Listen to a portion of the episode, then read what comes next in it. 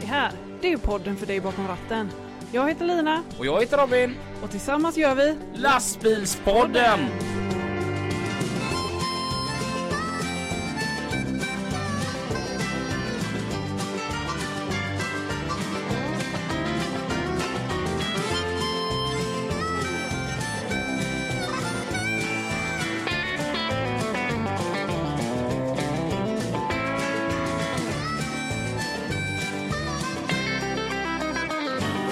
Idag är det tidig podd Lina. Ja, Och jag har precis fått i mig morgonkaffe. Ja. herregud, du som inte vill gå upp innan tuppen. Ja, Mm. mm. det är inte ofta man ställer klockan på en söndag. Nej. Det, det gjorde jag idag för säkerhets skull. Ja, så du gjorde det. Men behövde du eh, använda dig av klockan? Fick du vakna av den? Mm, faktiskt. Okej. Mm. Mm. Jag har ställt den på åtta. Ja. Mm. Och jag vaknade till åtta. Så att, Ja. mm. Ja. eh, fördelen är då att fikat är ju rykande färskt. Ja. Ja, det, Ylva på prim tagen när hon stod upp i morse för hon visste faktiskt att vi skulle podda. ja, ja, ja. Så jag sa det till henne att du, jag kommer klockan nio och då ska det vara nygräddade bull- bullar här. Ja. Mm, så det ordnade hon. ja. Mm, Tack till Ylva. applåd till Ylva. Mm. Vad hade vi gjort utan dessa fantastiska människor som går upp en söndag morgon Ja. mm, och arbetar? Mm. Mm. Eh, hur är det med dig? ja, men det är kanon. Jag har lite träningsverk faktiskt. Va? Ja, Har du gjort? jag, har, eh, ja, men jag håller ju på med uppdrag gräsmatta hemma. Ja. Ja. Var det roligt? Jag älskar att din gräsmatta är en följetong. Ja, Ja.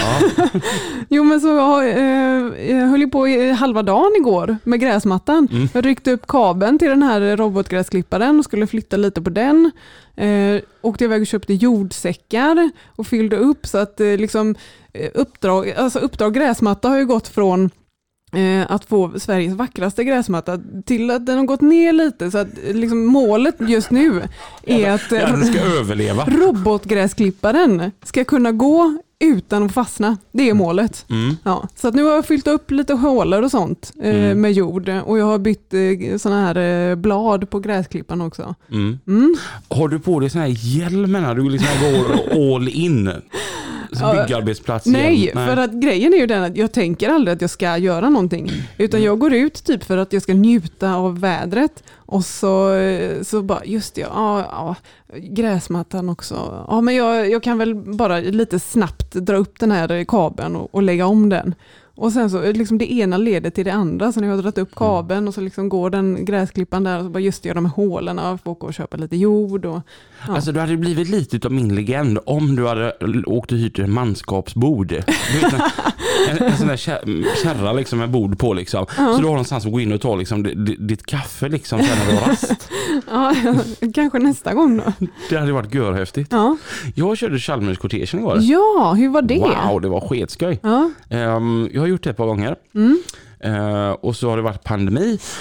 Eh, äntligen var det dags igen. Mm. Eh, och eh, nu ringde Joakim Landgren från JKL Transport och frågade Robin vill inte du köra? Du tycker det är kul med eh, kortegen. Vill Mm. du köra en av mina bilar? Och det vill jag absolut göra. Mm. Vad är Chalmerskortegen för de som inte vet? Det, det är ju alltså då ehm, man, det är en satir Mm. mot årets händelser. Mm. Så det är ju en otroligt massa lastväxlare från Göteborgs lastbilscentral Mm. som går genom hela Göteborg alltid på valborgsmässoafton. Mm. Och på flakerna då så är det uppbyggt eh, scener Mm. och där man då gör satir utav årets nyhetshändelser. Mm. Vad fick du för nyhetshändelse? Jag fick Free Britney. Wow! Ja, det var väldigt uppskattat utav väldigt många. Det var många tjejer framförallt. Som, så- De här tjejerna du vet som är din ålder. Ja. Ja, men så här mycket liksom 30-plussare som bara wow! ja. Ehm, och du vet, och det är musik och det är, det är all the way. Liksom. Ehm, för den som vill ha en närmare förklaring. Jag tog en liten kort på lite roliga citat från lite olika eh, lite olika sådana här eh, byggen. Ja. Mm. Och då är det Chalmers tekniska högskola som eh, anordnar detta varje år. Mm. Vi har ju bland annat då Frölunda Hockeyklubb. Mm. De, de blev anklagade för att vara rasister med den här indianloggan. Ja. Så de bytte logga, den nya, där, där blev det lite nazistmärke tyckte ju många att det var. Så att eh, texten löd som följer, ville inte vara rasist, blev istället tolkad som nazist. Ja. Och, och det, självklart så var ju Evergreen med. Ehm, det här stora, eh, stora fraktfartyget Ja, fastnade i ja, Suezkanalen. ja, just det. Ja. Mm. Ehm, hellre klåda i analen än ett skepp fast i Suezkanalen. Tarek Taylor, eh, den här Kalle Anka blev fem minuter sen. Tar, Mm. Tarek stod på scen, Kalle blev fem minuter sen. det, det, är mycket sånt där roligt. Ja, Mm. ja. Eh, vad jag tyckte nästan var um, roligast, det var den här. Ska vi se om du kan... ehm, Även om flyktplanen gick i kras kan du alltid tvinga staten till pizzakalas.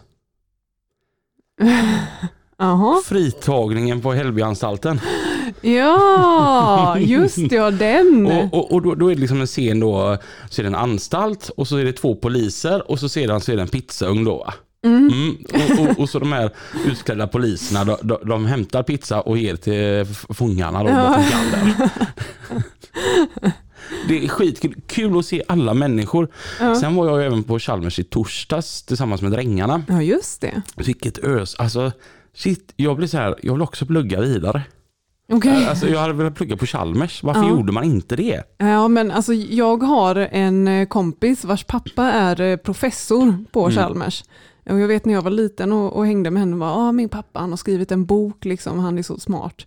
Och så fick jag se den här boken. Jag förstod inte ett enda ord i den här boken. Det var ju sån här eh, alltså, eh, ja, men mattetermer och Mm. liksom x och y och allt sånt där. Mm. bara, åh vad kul. En annan stor händelse är ju att eh, idag då den första maj så fyller min chef år. Ja, Ja, en gång om året så fyller Peter år. mm. Eller ja, det, det är han och många med han som fyller år en Grattis. gång om året. Ja, grattis. Mm. I efterskott blir det nu. ja. Han får alltid en film utav mig. ja. Ja, eh, konceptet är detsamma. Det här är film 8 han får detta året. Mm. Mm. Eh, konceptet är detsamma. Jag har ett fordon, jag vill på kalas. Ja. Han har glömt att skicka en inbjudan. ja. Och jag har ju eh, poserat eh, ihop med en bärgningsbil självklart. Eh, gaffeltruck, Mm. hjulburen grävmaskin. Förra året så ställde mm, räddningstjänsten stod Göteborg upp med en Mm. brandbil. Mm. Mm. Detta året så ordnade jag en polisbil. Oh, Stort tack till polisen Hisingen för utlånandet utav en bil. Schysst. Så jag då fi- filmar, eller jag blir filmad då när vi kommer med den här polisbilen och, Ja. jag uttrycker att eh, Peter du är så jävla snål. Ja. Ja. Men, om Du hade du, inte handbojor på dig? Nej. Nej. Men om du ändrar dig så har jag ordnat en riktigt snabb kareta här. Ja, Den ja, har sån ja. här flättar på dig och har bråttom så in i helsklamp på taket. Herregud, hur ska du toppa detta nästa år? Jag har redan en färdig idé för detta. Jaha, Ehm, f- och fördelen då just med en polisbil är ju att när man går, går på fest och man har en polisbil med sig. Mm. Ja, det, det är ju, jag har ju stående rum på Hotell Gripen. Så den funkar ju som taxi dit också då va? Mm. Jag tänker vi kör lite trafik. ja. Men innan vi går på trafiken. Mm, jag var ju på väg att köpa mig en sån här stegräknare. Va? Ja, Nej. men jag tog det lite lugnare tempo så jag köpte en rörelsedetektor istället.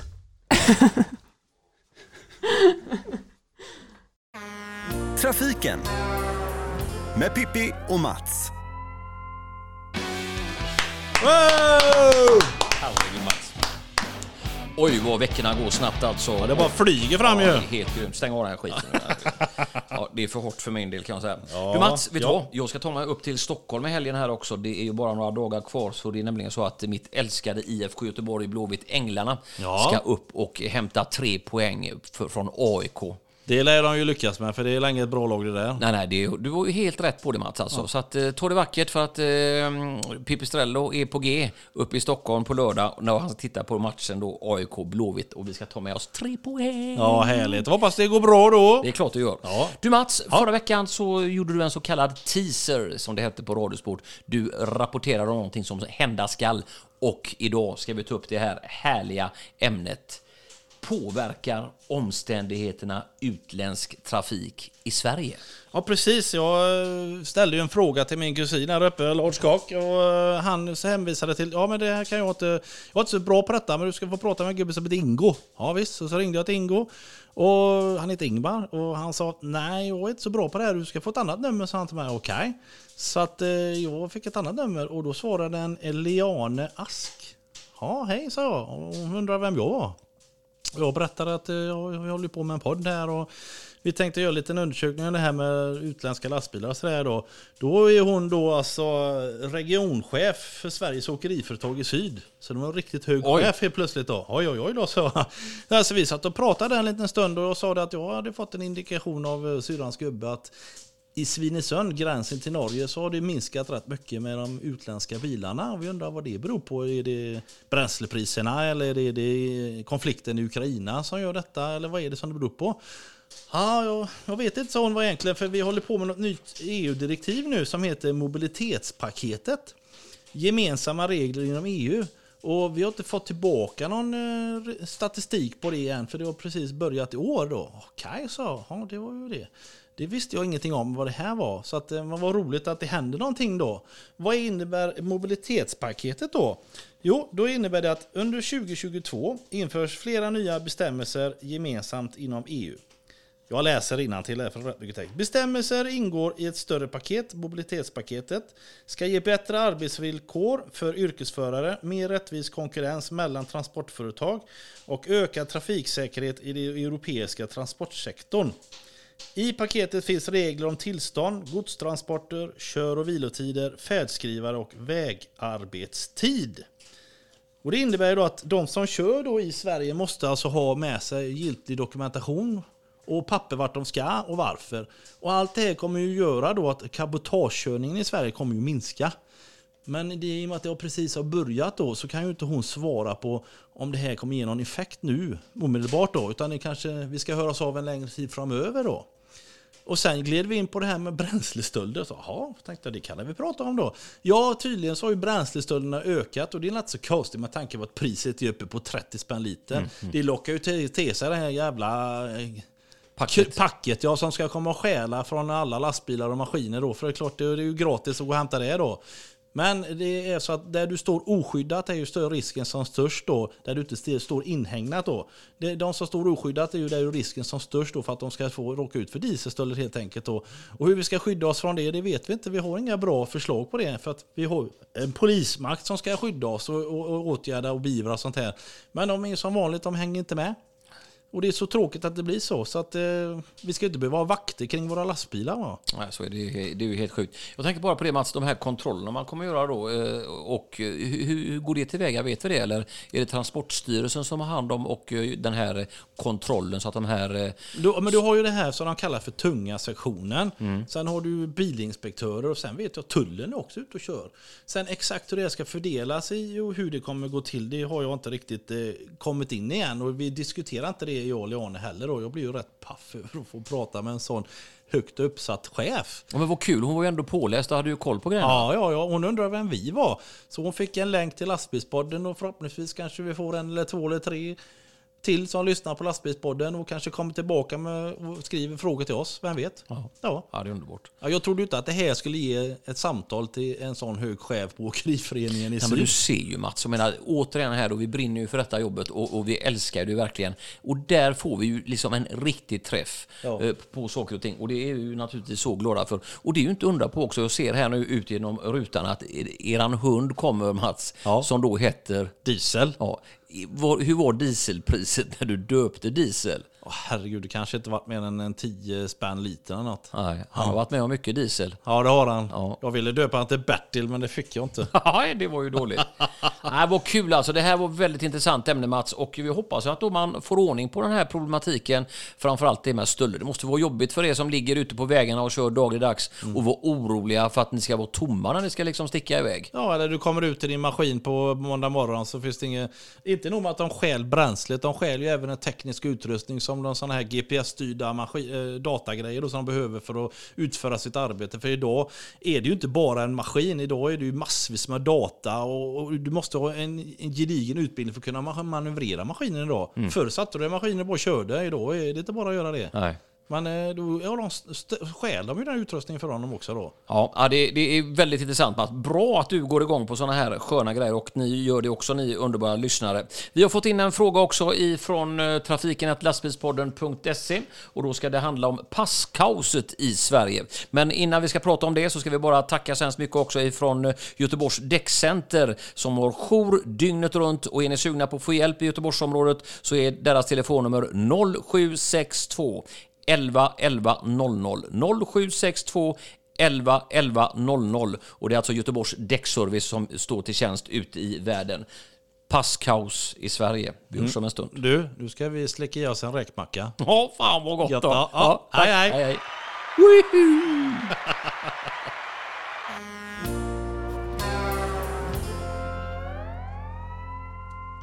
Det är lite halvproblematiskt när gästen är så trevlig så vi glömmer av att eh, trafiken var över. eh, idag så säger vi varmt välkommen till. Robert Selek. Hej! Hej! V- vem är Robert? Robert är eh, ja, en- snart en 50-årig medarbetare på Volvo Lastvagnar Sverige som jobbar med det helelektriska utbudet som vi har här nu. Mm. Det är ganska spännande va?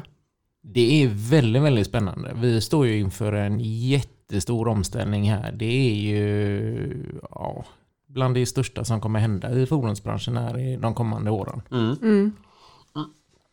Jag tänker att och just med att man är med i den stora omställningen. Jag menar, när man då jobbar med det, då är man ju med och skriver lite historia.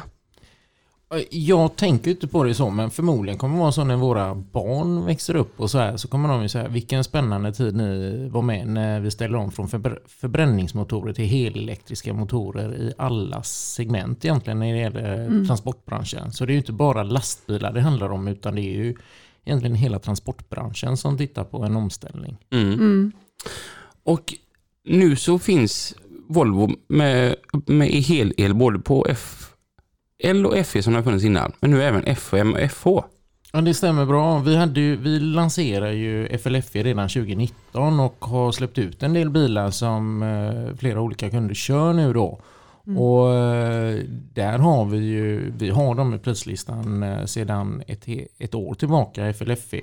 Och det som kanske inte har hängt med i samma takt som vi har tagit fram fordon, det är ju just möjligheten till laddning när det gäller tunga fordon. Men här ser vi ju nu då när, nu när vi släpper FH FM, FMX, att eh, man går in med väldigt mycket pengar i stödpaket för att bygga ut laddinfrastrukturen.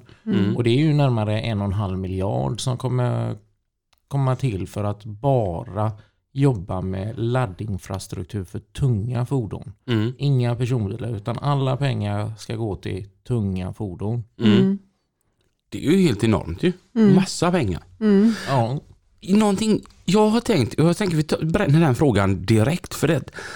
Alla pratar jämt om det. Att det är fantastiskt det här med el, men finns det el så det räcker?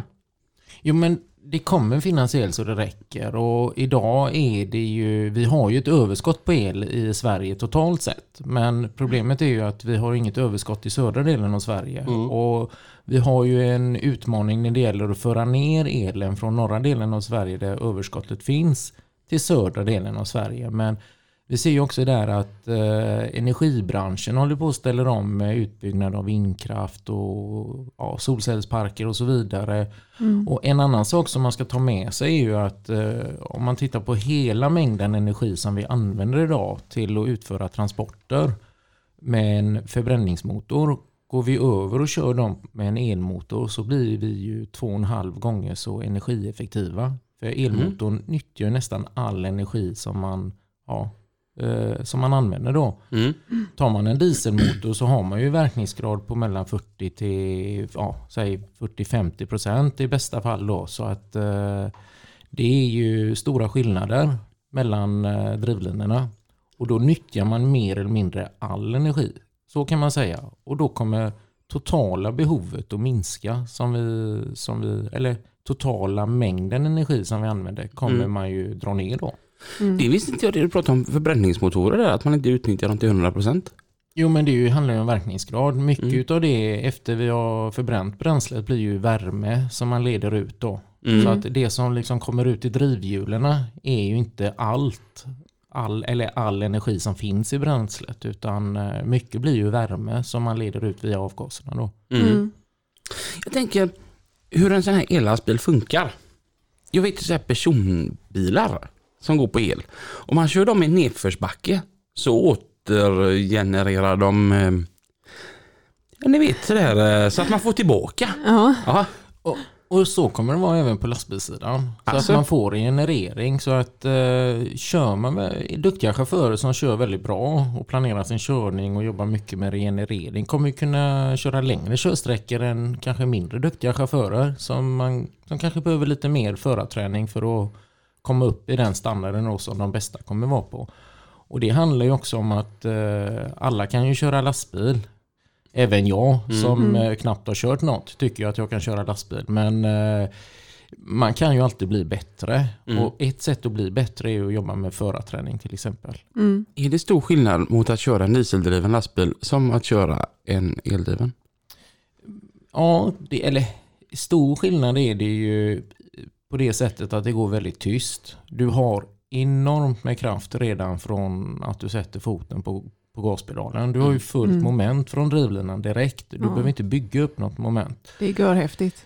Det kan jag är- rekommendera. Alltså du har gjort detta? Jag har testat. Ja, Okej. Mm. Ja. och, och sen kan man ju säga att eh, när du kör iväg startväxeln på de bilarna vi släpper ut nu, de tunga då 44-tonnarna.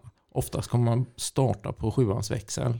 Okej. Och så går det ju det går väldigt bra när Mm. man kommer iväg. Mm. Men vi har ju även utvecklat eh, den våran tunga elbil som vi har utvecklat har vi utvecklat då ihop med elmotorer som jobbar med iShift-växellådan. Och där har vi även möjlighet att, att behövs det så har vi möjligheten att trycka ner till lägre växlar om man står i en backe och vill ha mera kraft. Så att där är väl lite skillnaden då som vi har kanske mot andra konkurrenter som jobbar med eh, ja, bara drivning ut på, på drivhjulen och så vidare. Mm.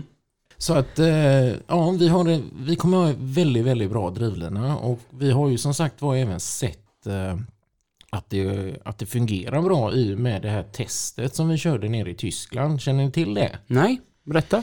Det är ju ett, eh, de kallar det för Green Truck test och eh, då kör man en slinga i Tyskland som är drygt 35 mil och eh, det är en journalist som gör det här testet och man försöker ju alltid hitta den mest energieffektiva eh, drivlinekombinationen. Och just på den slingan som vi har kört där nere då så, så har ju våran iSave 44 tonnan där varit den bilen som har gått snålast på den slingan hittills. Okej, ja. Hittills säger man då. Mm. Fram tills dess att vi körde med våran fullelektriska lastbil. Mhm. Den var ju lastad till 40 ton och eh, gjorde hela slingan på en laddning, 35 mil. Oj, Samma genomsnittshastighet som en 500 iSave.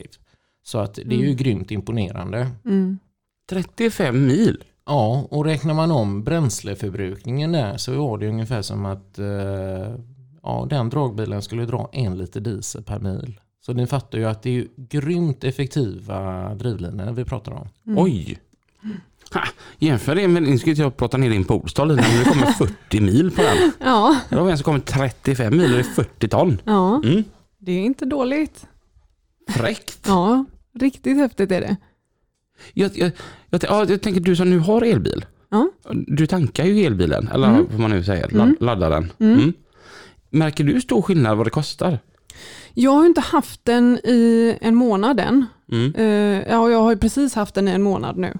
Eh, så jag har inte liksom fått eh, någon elräkning än. Men jag har ju haft lite koll på siffrorna på det jag laddar. Och det är ju jättestor skillnad. Sen Mm. är det ju alltså, det är väldigt stor skillnad att ladda hemma och ladda ute. Alltså ute på en snabbladdare så kostar det 5-6 kronor per kilowattimme. Och hemma så betalar jag kanske 40 öre per kilowattimme. Mm. Så det är ju verkligen eh, prisskillnad där. Å andra sidan när jag har använt de här snabbladdarna så har jag tankat för liksom 230 spänn och fått, en, fått full tank på det. Mm. Så det, är ju, det är ju inte dyrt, även om eh, prisskillnaden är väldigt dyr mot snabbladdare jämfört med hemma. Mm. Det låter faktiskt väldigt billigt om man jämför med att tanka sin eh, dieselbil. Jag Mm. har ju en kollega som tankar sin personbil diesel eh, när det nästan var som dyrast. Och han sa ju att det var ju första gången han nästan kom upp i 2000 spänn på en tankning. Så Mm. att, eh, han, han, tyckte verkligen att det var intressant att titta på elbil framöver. Men det känner jag, jag, jag som åker bensin Mm. och liksom körde i en halvtank häromdagen. Det kostar 740 spänn eller Ja. någonting. Ja. Man bara, va? Hallå? Och så gnäller jag över mina 230. Men jag tänker den här ellastbilen då. Batterierna, för jag var ju lite elak mot Linas Polestar här. Men Vi ska, vi ska komma ihåg att Polestar är, är ju en väldigt fin bil också. så Ja, ja absolut. Nej, nej, nej. Det, det, gjorde jag inte. Ja, den är jättefin. Den är Ja, jag rolig. älskar den bilen. Den är kul när den står stilla och så trycker man gasen i botten. Och så, Ja. Det är typ att öronen sitter på plats som håller kvar smilet. Ja.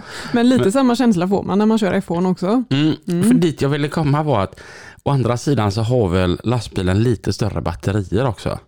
Ja, vi har idag möjlighet att spesa upp dem till en maxkapacitet på 540 kilowattimmar. Och eh, som man säger, det är ju naturligtvis begränsat med energi det man kan ta med sig. Men, men eh, vi ser ju att man bör ju få ut körsträckor på runt 30 mil i alla fall med ett eh, ja, 40 tons ekipage. Nu har ju inte vi släppt eh, de allra tyngsta och längsta transporterna på batterielektriskt än. Men det kommer ju komma framöver. Utan det vi tittar på idag i ett första skede här som vi släpper i prislistan faktiskt nu på måndag fullt ut till våra säljare är 44 tons eh, kombinationer då. Mm. Och eh, det känns rätt bra med att börja där. För då kommer vi även lära oss hur mycket drar de här bilarna och hur mycket behöver vi dressa drivlinorna för de tyngre ekipagerna sen. Mm. För jag tänker så här att de måste väga mycket de här batterierna. Ja, varje batteripack lägger ju på ungefär 500 kilo. Mm. Och eh, man, man får ju lite extra om man säger kompensation för att man använder utsläppsfri teknik. Men eh, det hänger även lite ihop med vilken typ av eh, fordon man har. Så är det en tvåaxlig bil så får man enligt reglerna tillgodoräkna sig två ton till. Oj. Under förutsättning att du inte överskrider individuell axeltryck och eh, att du har rätt av axelavstånd och så vidare. Mm. Då. Eh, En treaxlig bil, där har man, går man ju på Europaregler och då har man ju gått på eh, i Europa då att man har gått från 26 ton till 27 ton nere i Europa. Mm. Och då ska ni säga, vad får vi i Sverige? Vad får vi i Sverige då? Vi får ingenting där, för vi har redan fått vårat. Vi är ju redan uppe på 28 ton på tre axlar. Så Ja, just att, det. eh, Mm. Där har inte vi egentligen så mycket att hämta om man inte går på en BK4-väg eller något. Mm. Och Tridenbilarna, vad får vi där? Ingenting. Helt riktigt. Det där är ju helt galet. Det är någonting som gör mig förbannad. Ja. Att, att, att man höjde boggebilar men inte tridenbilar. Ja. Så. Varför gjorde man det då? Eller varför gjorde man inte Jag det? rättare förstå. Ja, jag fattar inte. Nej, För att helt plötsligt då, är det ju egentligen inte riktigt lönt att köpa, köpa tridenbil. nej. För att boggebilen lastar ju så himla bra. Mm. Mm. Det är ju lite som du säger, det kommer ju vara mer att man får räkna på det mellan Tridem och boggiebil. Och det finns ju för och nackdelar med, ja, med båda modellerna. Så att Mm. man får ju titta på det vad som blir mest lönsamt att ha. Både och mest trivsamt att köra som förare framförallt då. Så man inte bara tittar på kronor och ören utan det ska vara bra för den som sitter i hytten också. Mm. Mm. Precis. Bara han får en Volvo. Mm. Så blir det bra. Ja, exakt. exakt. Men jag tänker så här, 30 mil det är ju Göteborg, Jönköping och tillbaka. Så har vi lite till godo också då på batteriet. Det är ju Mm. vad man skulle kunna klara av att köra med en sådan då. Ja, och då handlar det om att, eh, planera transporterna väldigt bra eftersom det tar ju lite tid att ladda fullt. Det tar ju kanske drygt två timmar att ladda upp batterierna fullt. Men Mm. Eh, planerar man väldigt noga då det, den tiden ihop med att man tar sin eh, kör och vilotidsvila och så vidare, då blir ju inte förlusten lika stor som att du bara skulle stå still i två timmar. Det blir ju liksom, ja, det tar längre tid än att tanka diesel. Det kan vi vara ärliga och säga då, men med planering så får man, eh, ja, man får eh, bra utfall på det ändå. Ja, alltså jag tänkte ju på det när jag körde till Stockholm i veckan, alltså att det blir ju ett, eh, ett stopp mindre. För att ja, man stannar ju ändå för att eh, käka, för det vill man ju göra på vägen.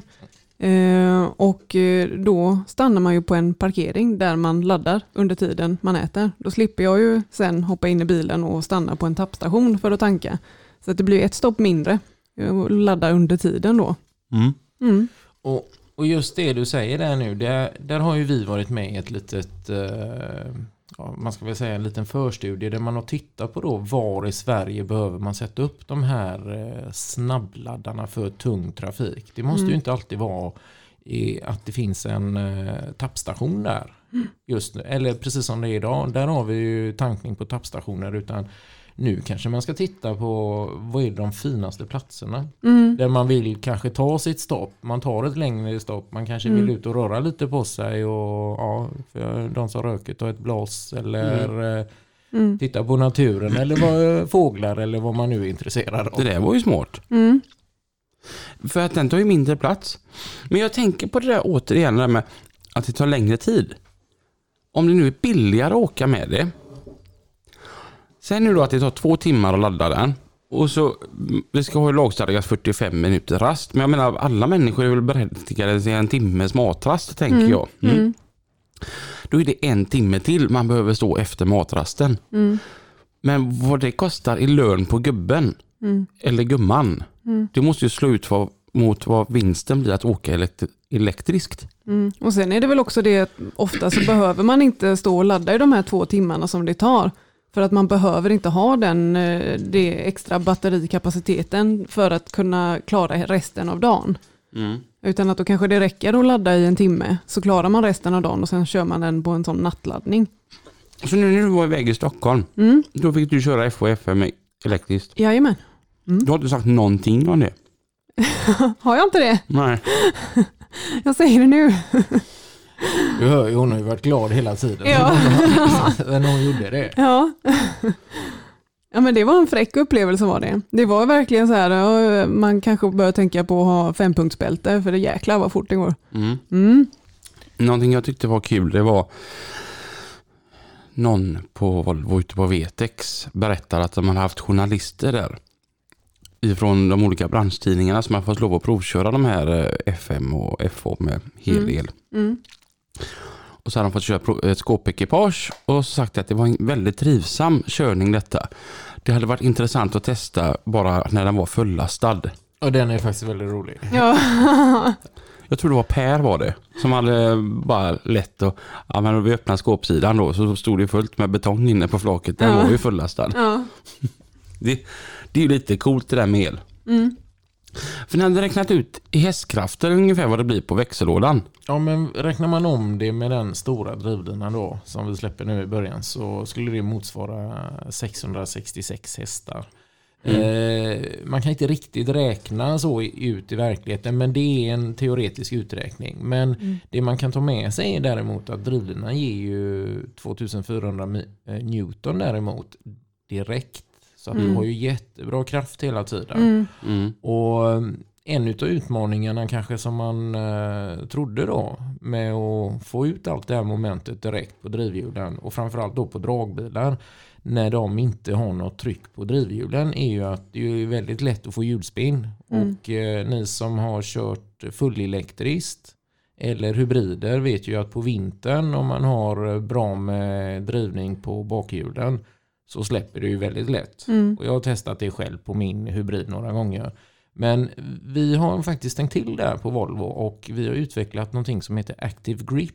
Ett helt nytt system då som jobbar med TCS som gör att eh, det här eventuella hjulspinnet går in och förebyggs mycket, mycket snabbare än vad man kan göra på en eh, traditionell diesel, Mhm. eh, drivlinan just nu då. Mm. Eh, vi tittar ju även då på, nu släpper vi det på våra fullelektriska fordon då, men vi kommer ju titta på, eh, även föra in detta på traditionell förbränningsmotor också nu här framöver. Så att Mm. det är väldigt mycket spännande grejer som kommer då i Mm. och med att vi kommer med nya produkter. Mm. Coolt. Ja, verkligen. Tänkte, den här iShiften då, växellådan. Hur många växlar är den har? Det är 12 framåt. Mm. Ja, den, den är precis som en helt vanlig. Ja, den är, det är precis som en vanlig iShift-växellåda. Okej, ja. Och det man inte behöver just nu i alla fall eh, på de tågvikterna vi har på 44 ton, det är ju ja, krypväxlar har vi fått frågan. Varför har ni ingen krypväxel på den? Det behövs liksom inte. Du har ju sån jättefin möjlighet att justera din fart med bara gaspedalen nu. Mm. Så du kanske, även om du bara vill kunna krypa fram väldigt försiktigt eller backa väldigt försiktigt bakåt så blir det ju väldigt precis då när man kör med en elektrisk drivlina. Mm. För du får ju precis så mycket rörelse som du ja, begär när du trampar på gaspedalen. Mm. Mm. Och du har ju kört den lite mer eh, än mig Lina så du Mm. kanske kan utveckla det lite. Ja, riktigt så har jag inte kört. I alla fall framåt, Ja. några vändor. Ja. Jag, jag har ju kört våra tunga bilar på våra democenter på VTEX. Jag har inte kört ute på väg än, utan det kommer jag göra nästa vecka när vi är uppe i Arlanda stad. Då ska jag Mm. köra några vändor och känna på den där. Mm. Men, eh, Jag var ju inte ute efter att krypa. Man vill ju Nej, trycka det var- gasen i det, botten. det är ingen som tänker på det. Nej. Att, att det, är väldigt, eh, det är väldigt bekvämt om man liksom bara ska göra små justeringar Ja. med en sån drivlina. Ja. Åh, grymt. Ja. Mm. Jag vill också vara med där uppe. Ja. ja. Varför fick inte jag vara med? Nej, jag vet inte.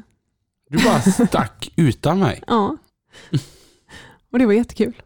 Ja, kul för ja. dig då. Ja. Känns, känner man när man sitter att det här är framtiden? Ja men absolut, det, det är det ju. Det, är ju framförallt, det handlar ju om att vi behöver eh, reducera utsläppen från våra transporter. Mm. Och det sättet där vi kan få snabbast förändring det är ju att gå till utsläppsfria eh, transporter. Mm. För vi kan prata om fossilfria bränslen som HVO till exempel då, men mäter man det som kommer ut ur avgasröret när det gäller CO2-utsläpp så blir ju det lika mycket som en vanlig diesel. Det är Mm. bara att man räknar plus minus med att HVO har absorberat CO2 under, ja, under framställning, eller innan den har framställts och så vidare. Då. Men Mm. ett elfordon, mäter man det som kommer ut ur avgasröret när det gäller CO2 Mm. så är ju det noll. Det Mm. finns ju inget avgasrör. Och sen en annan fråga som ofta kommer upp. Ja, men har ni räknat med det här med att tillverka batterier och tillverkningen av lastbilen och så? Ja, vi har gjort det och man ser att eh, de fullelektriska fordonen blir bättre. Mm. Det, är näst, det är inte många långt man behöver köra innan man har tjänat igen eh, de CO2 eller de ökade CO2-utsläppen som batteritekniken lägger på då. Mm. Så med lite mil så får man en väldigt, ett väldigt bra utfall på det då. Ja. Och batterierna håller ju väldigt länge. Och sen när de är liksom eh, ute ur eh, lastbilen så, så återanvänder man ju dem.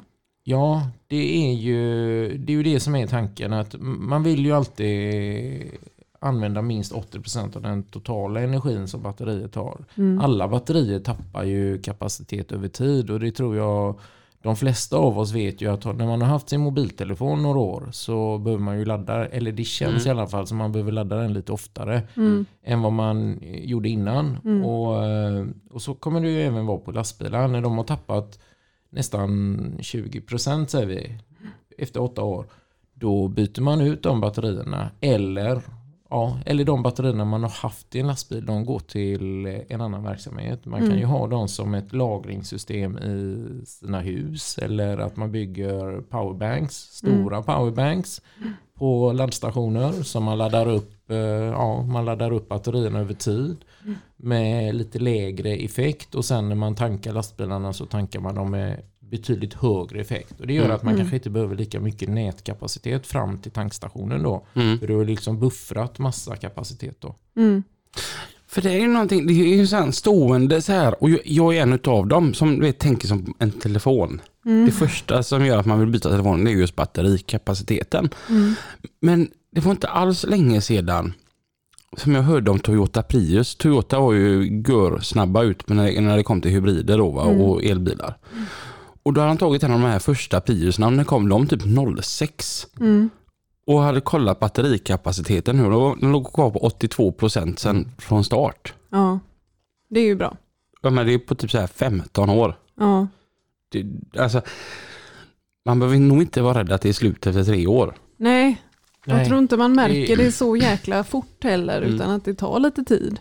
Nej, Men vi, vi har ju räknat lite på det. Vi räknar med att eh, ja, upp till åtta år då ska de i alla fall klara sig när det gäller de tunga fordonen. Mm. Och då tycker vi att eh, man, ska, man ska inte behöva ladda för ofta då. Så Mm. att när man har nått en viss nivå så ska man titta på antingen ett utbyte om eh, bilen är i ett sånt skick så den tål ganska många år till då. Det finns ju vissa bilar som kunder har i, ja, de köper de nya och så har de dem tills de ja, nästan ramlar isär då. Mm. Det är alltså alltid goa i slut. Ja, precis. precis. Men eh, det är ju, det, det blir, eh, det finns ett liv för batterierna även efter de har suttit i, i ett transportfordon. Så kan vi ju säga då. För det är någonting som nog skrämmer väldigt, väldigt många. Det är att då köpa en Volvo som säger har gått då i åtta år och man måste byta batterier, vad kommer det att kosta mig? Mm. Och, det kan man ju inte veta idag. Nej. För att eh, vi vet ju inte vad vi har för batteriteknik om åtta år. Förmodligen är den väldigt, väldigt utvecklad och mycket bättre. Och min egen gissning är ju så här då att om vi idag kanske har fyra batteripack på bilen för att nå en viss energinivå, som till exempel ja, 400 kilowattimmar, bara som ett exempel då, så kommer man kanske kunna få ut samma energinivå på färre antal batterier. Så Mm. det kanske räcker att du köper ett nytt batteri om åtta år för att ha samma kapacitet som du har idag. Mm. Och vill du då kanske utöka din körsträcka köper du två batterier. Mm. Så att eh, det är ju möjligt naturligtvis. Mm. Det, och någonstans, det, det är ju lite så här att vi är ju ändå väldigt i starten på det här med elektricitet. Ja, Så det måste vi ändå vara, vara en av dem. Jag menar, alla lastbilsmärken har ju inte kommit ut med full del. Och, Mm. ehm, så såg jag på sociala medier. Där, där ser man vad fort människan vänjer sig. Mhm. För det var ett annat lastbilsmärke som hade eh, presenterat eh, en fulldelbil och den kom så här långt. Mm. Och då, alltså du vet, det bara haglade av kommentarer att gud vilken dålig räckvidd och vad ska man göra sen då? Och babba, babba, babba. Då gick jag in och kommenterade. Och eftersom att alla vet att mitt hjärta är ganska blått och när jag då försvarar den här tillverkaren då, då förstod de nog mycket att jag faktiskt menar det jag säger. Att vi får inte glömma på 90-talet när vi där helt glatt satt i över en minut och väntade på när det kopplade upp bara för att komma ut på internetet. Ja, så är det ju. Du vet den här roliga tonerna och det här skrapljudet och grejer. Och du vet, skulle vi ladda upp en bild här eller vi skulle tanka ner en bild eller tänkte vi skulle tanka hem en film och det, Åh, liksom, det tog en helg. Ja. Men du vet, vi klagade inte då. Och, och idag så har vi 5G nästan hela Sverige. Alla sagor måste ju ha sin start. Ja. Men jag, jag tror faktiskt det är så här att eh, eh, jag kan tänka mig att eh, de som har kört mycket lastbil när man kom med till exempel iShift-växellådan där det blev en automatiserad växling så tyckte ju kanske en del då att varför ska vi ha en sån låda? Jag är ju, det är ju, den rätta känslan är ju att köra när man växlar manuellt och så. Mm. Och det tyckte de säkert länge tills de körde mer och mer automatiserat och upptäcker fördelen. Vad skönt det är att egentligen slippa sitta och rycka Mm. den här spaken Mm. hela tiden och behöva tänka själv. Utan man kan bara sitta och man kan fokusera på körningen och Mm. njuta av den stunden man har då istället för att behöva göra massa annat. Då. Mm. Och jag tror att det kommer bli likadant med elbilar. Att när man upptäcker de här fördelarna som är Mm. så vill man inte gå tillbaka till det negativa med mer buller och sådär. Och kanske ja, eh, ja, andra saker som man kanske inte uppskattar då i, med en förbränningsmotor när man står på tomgång. Mm. Man går runt bilen och det är avgaser och så vidare. Jag tror de flesta av oss hellre vill gå i ett avgasfritt eh, område. Även om Mm. Euro 6-bilarna idag på tunga sidan är extremt rena när det gäller Mm. förbränningen. Mm. Vi ligger ju på lastbilssidan långt före personbilssidan när det gäller att lagstiftning och hur rena bilarna ska vara och hur Mm. man jagar egentligen lastbilssidan på det då. Mm. Så att eh, tittar man bara på Euro 6 så är ju vi på step E där nu. Att man har gjort stegvisa förbättringar och personbilssidan är väl på, de har väl ja, ganska nyligen infört eh, Euro 6 på bilarna ungefär då. Mm. Mm. Och det jag nog skulle vara mest intresserad av när det kommer till en elbil är att slippa bullret när man är på utsidan och lossar och lastar. Mm. Det är ju gött när man stänger av. För att jag lovar, jag sätter pengar på att det är en väldigt stor andel som lyssnar på detta avsnittet som sitter ändå och säger att fast det är ingen riktig lastbil när den går på el. Mm. Och jag höll med er allihopa faktiskt. Mm. Att en riktig lastbil, det, det är ju en diesel alltså. Det ska, Jag alltså ska skaka lite. Nej men, nej, men det, jag tycker det är så underbart för alla lastbilsmärken har ju sitt karaktäriska motorljud. Man hör ju om Mm. det är en Volvo, Merca, Scania eller vad det är som, är som kommer. Mm. Och det är klart det ska gå på diesel. Men- jag, jag tyckte det ända tills jag fick provköra. Nu har inte jag så sådana privilegier så att jag får lov att köra FM och FH då som du har Lina. Men jag fick i alla fall köra FE. Ja. Och vad gött det är att det är tyst. Ja. Men, men där är det ju så här att det kommer ju en lagstiftning som kommer tala om för oss att vi får inte vara så tysta. Utan Mm. vi måste föra ett litet, litet ljud ifrån oss. Och det kallas ju för AVAS. Mm. Och eh, där har ju vi på Volvo, vi har ju tagit fram ett unikt ljud då på våra bilar, på de tunga nu då. Där bilen kommer låta på ett visst sätt under körning, den kommer ha en lite, ett litet tomgångsljud och det kommer vara ett litet ljud precis när man kör iväg. För att det ska bli säkrare för alla, för annars är det precis som du säger. Står, står det någon framför lastbilen och du kör iväg så Mm. hör inte han när du kryper iväg och nu Mm. är det snyggt. Så, Mm. så där kommer man jobba med, med ett litet ljud. Och, Mm. Precis. men men det blir som du säger där att alla motorer har ju sitt eget eh, karaktäristiska ljud. Och Ja. här har ju vi tagit fram ett Volvo-ljud då. Så att Mm. man kommer känna igen att det här är en Volvo. Mm. Uh, så, så, nej, jag säger det.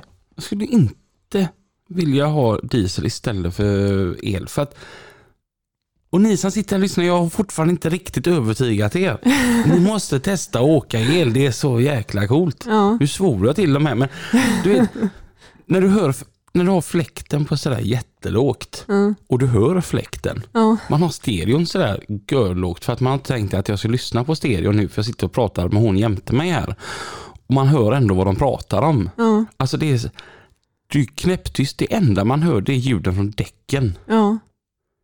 Det är det enda liksom, ljudet som kommer upp och så lite vind. Mm. Ja, jag tycker det är, det är fräckt. ja, det är mäktigt. Jag vill ha en ellastbil. Mm. Eh, Vi ska köra lite trafik och efter trafiken då ska, jag tänka, att då ska vi prata om eh, finansiering utav en sån här ellastbil. Yes. För jag tänker det, det måste vara dyrt. Trafiken med Pippi och Mats. Ja, herregud Mats, vilken eh, räkmacka du eh, levererade här igen. Eh, Ja. Så gott va. Tack så mycket också då Göteborgs Däckcenter med jour dygnet runt. Labbe är underbar där. 0762 11 11 00 når ni Labbe på. Annars går ni in och googla på det. Göteborgs Däckcenter. Mats, vi ska ju prata om det här med passkaoset som är i Sverige. Du har ju själv råkat ut för det. Ja, det är helt otroligt. Eh, eh, Vi, skulle ju, vi sitter ju och planerar inför semestern såklart som alla andra människor och, och sen har jag ju då fått lite indikationer på att det kan vara lite strul här med passen då så jag gick och kollade mitt pass och då gick det ut i februari och då tänkte jag att vi får åka och fixa det då. Och vi åkte iväg till Lidköping och skulle gå till passpolisen och det, där var det ju kalla handen. Du kan inte komma in och bara beställa ett pass längre utan du måste boka en tid på nätet. Okej.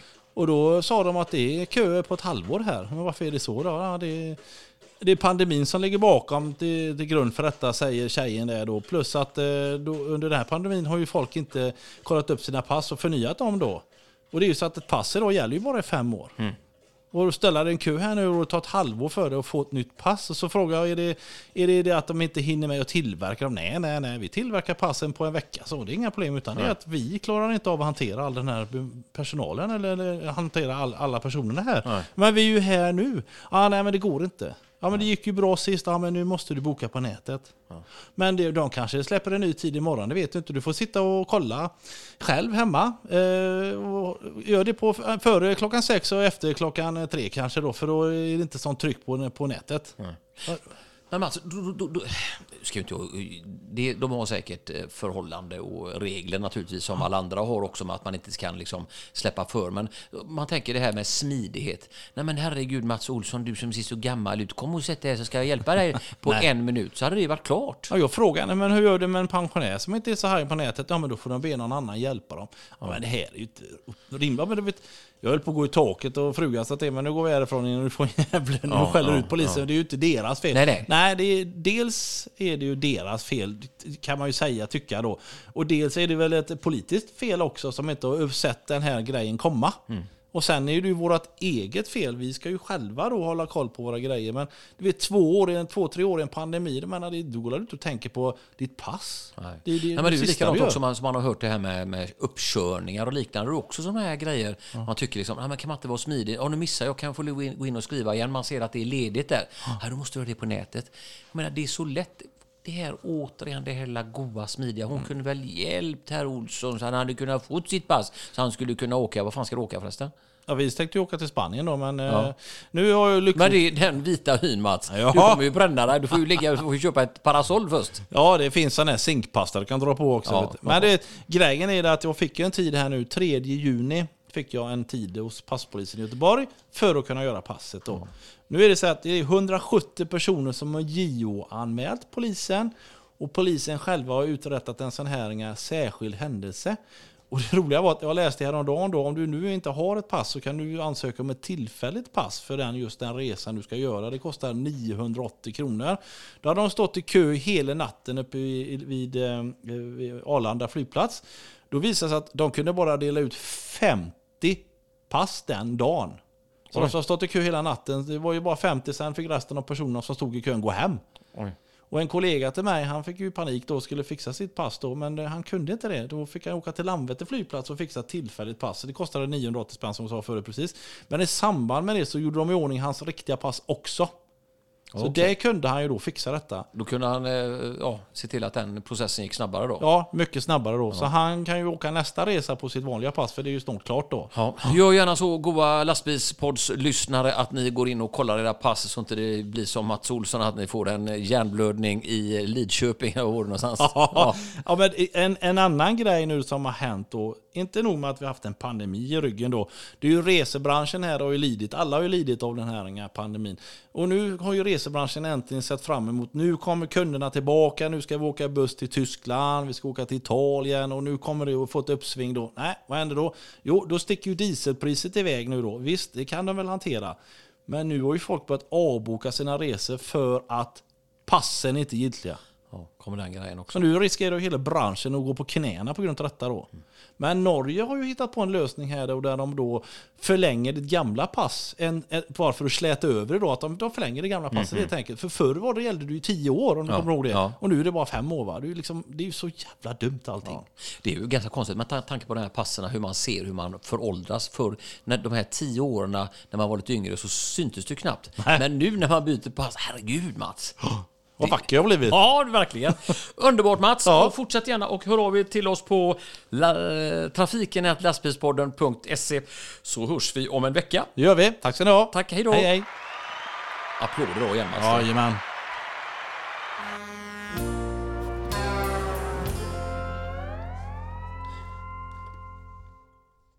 Jo, vad kostar det egentligen? Och kostar det nu? Lina, du som säljer det.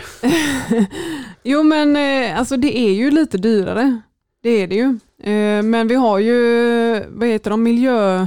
Klimatpremien. Klimatpremien, ja. precis. Som man kan söka. Och då är det ju antingen 20% av det fulla totala värdet eller 40% av mellanskillnaden mot vad det skulle kosta med en förbränningsmotor. Då. Då tänker jag att då kan man ju kanske räkna hem det som det är billigare att åka med. Ja, men precis. Mm. Det blir mycket billigare att köra. Jag vill ha en. Man kan, man kan ju säga att eh, bränslekostnaden blir ju väldigt, väldigt, väldigt mycket, mycket lägre. Men eh, sen är det ju så att det är ju en eh, lite större investering i helt ny teknik och sådär. Så att, ja, och vi har ju våra säljare som hjälper till med att göra de här kalkylerna på när bär det sig eller när bär det sig inte. Och är det värt det att gå över på ett elfordon i just den typen av körning? Eller ja, det kan ju vara så att man kanske ska vänta något år till Mm. för att ja, om det kommer något nytt där och som passar bättre i just den typen av körning då. Mm. Men vi har eh, bra verktyg för att göra simuleringar för att se hur mycket kommer bilen att förbruka i el på den Mm. körsträckan som man har tänkt att köra.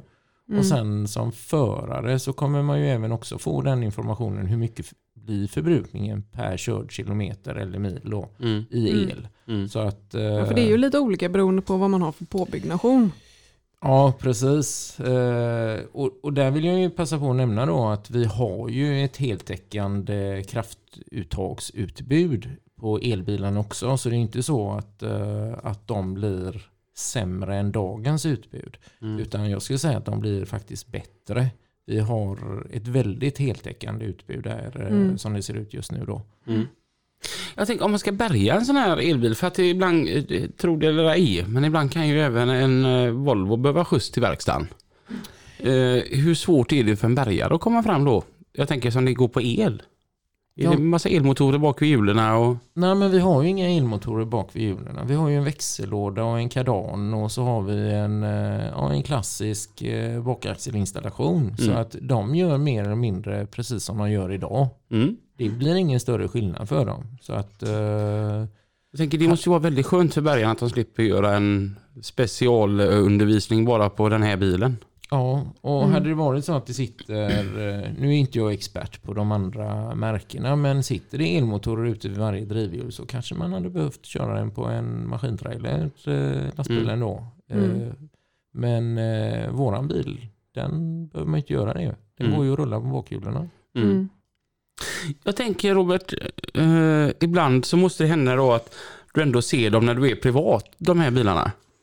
Robin, nu, to- nu tar du upp ett sånt ämne som, som vi, jag, jag, så säga, det berättar jag mellan vänner.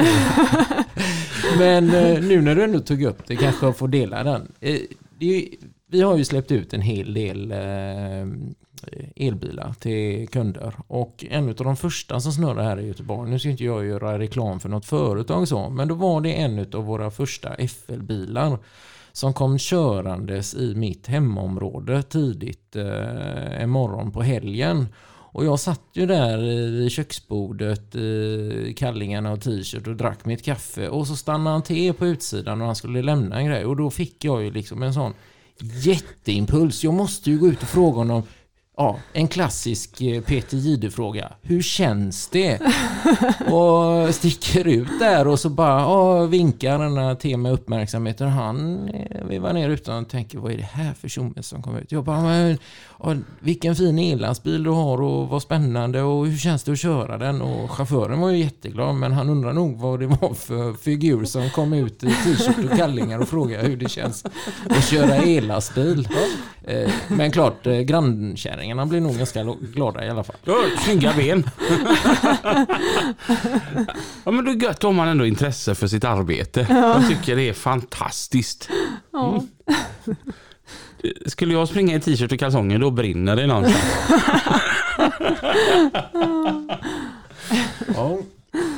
Lina, du som är säljare. Mm. Jag har ledig vecka denna veckan. Mm. Jag skulle gärna vilja provköra en FM eller FH.